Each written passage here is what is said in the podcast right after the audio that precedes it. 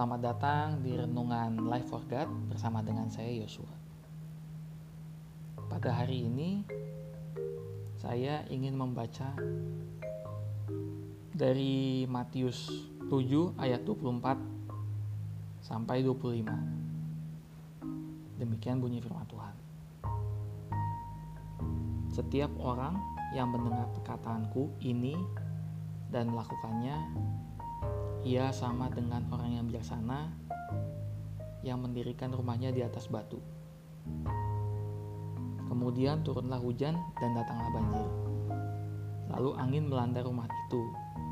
Tetapi rumah itu tidak rubuh sebab didirikan di atas batu. Nah, ayat-ayat ini adalah penutup dari khotbah Tuhan Yesus di bukit yang kita lihat tercatat di Matius pasal 5 sampai Matius pasal 7. Jadi pada saat itu Tuhan Yesus menutup perkataan-perkataannya itu dengan mendorong setiap pendengarnya untuk melakukan apa yang dia katakan juga. Dan orang-orang yang mendengarkan perkataan Tuhan Yesus ini sama seperti orang yang bijaksana yang mendirikan rumahnya di atas batu.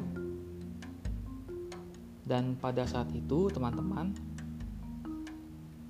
di Timur Tengah sendiri, karena tanahnya banyak pasirnya, orang sering kali harus menggali dalam-dalam. Karena dasar batu itu bisa jadi ada di kedalaman 1 meter atau 2 meter. Jadi orang menggali dalam-dalam, kemudian setelah ketemu batunya, baru mereka mulai membangun pondasi rumah tersebut. Dan kita sendiri bisa menarik pelajaran dari ayat-ayat ini. Yang pertama adalah kita harus menjadi pendengar firman dan juga pelaku firman. Karena kalau kita tidak melakukan firman Tuhan, hanya menjadi pendengar saja, kita akan sama seperti orang yang ada di ayat 26 dan 27 ini. Menjadi seperti orang yang bodoh yang mendirikan rumahnya di atas pasir. Jadi kita harus mendengar firman Tuhan dan melakukannya. Di semua aspek hidup kita, di setiap saat hidup kita juga kita harus mendengarkan firman Tuhan. Kemudian turunlah hujan dan datanglah banjir lalu angin melanda rumah itu. Tetapi rumah itu tidak rubuh sebab didirikan di atas batu. Nah, yang kedua adalah hidup manusia ini tidak bebas dari masalah. Tuhan tidak menjanjikan hidup kita ini anti masalah. Tetapi kalau kita mendengarkan firman Tuhan dan juga melakukannya, hidup kita akan menjadi hidup yang tahan masalah.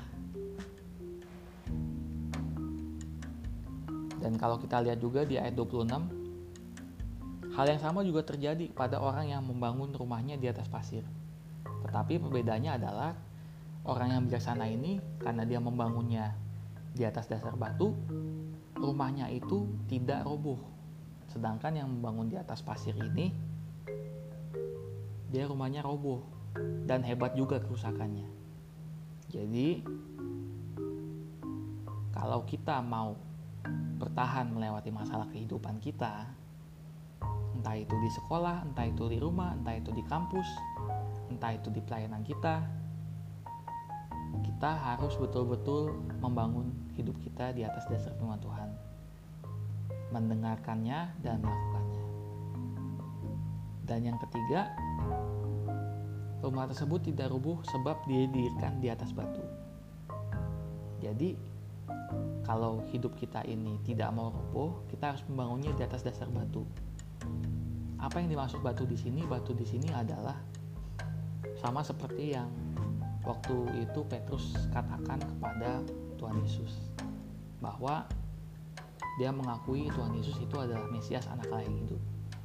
Dan pada saat itu Tuhan Yesus memberkati dan mengakui pengakuan Petrus tersebut Dan di atas dasar batu karang tersebut, Tuhan akan mendirikan jemaatnya dan alam maut tidak akan menguasainya. Jadi hidup kita ini harus dibangun di atas dasar Tuhan Yesus Kristus sendiri. Bukan di atas dasar yang lain. Kalau kita lihat di Yohanes 1 diterangkan bahwa Tuhan Yesus itu adalah firman Allah yang ada bersama-sama dengan Allah dan dia sendiri adalah Allah.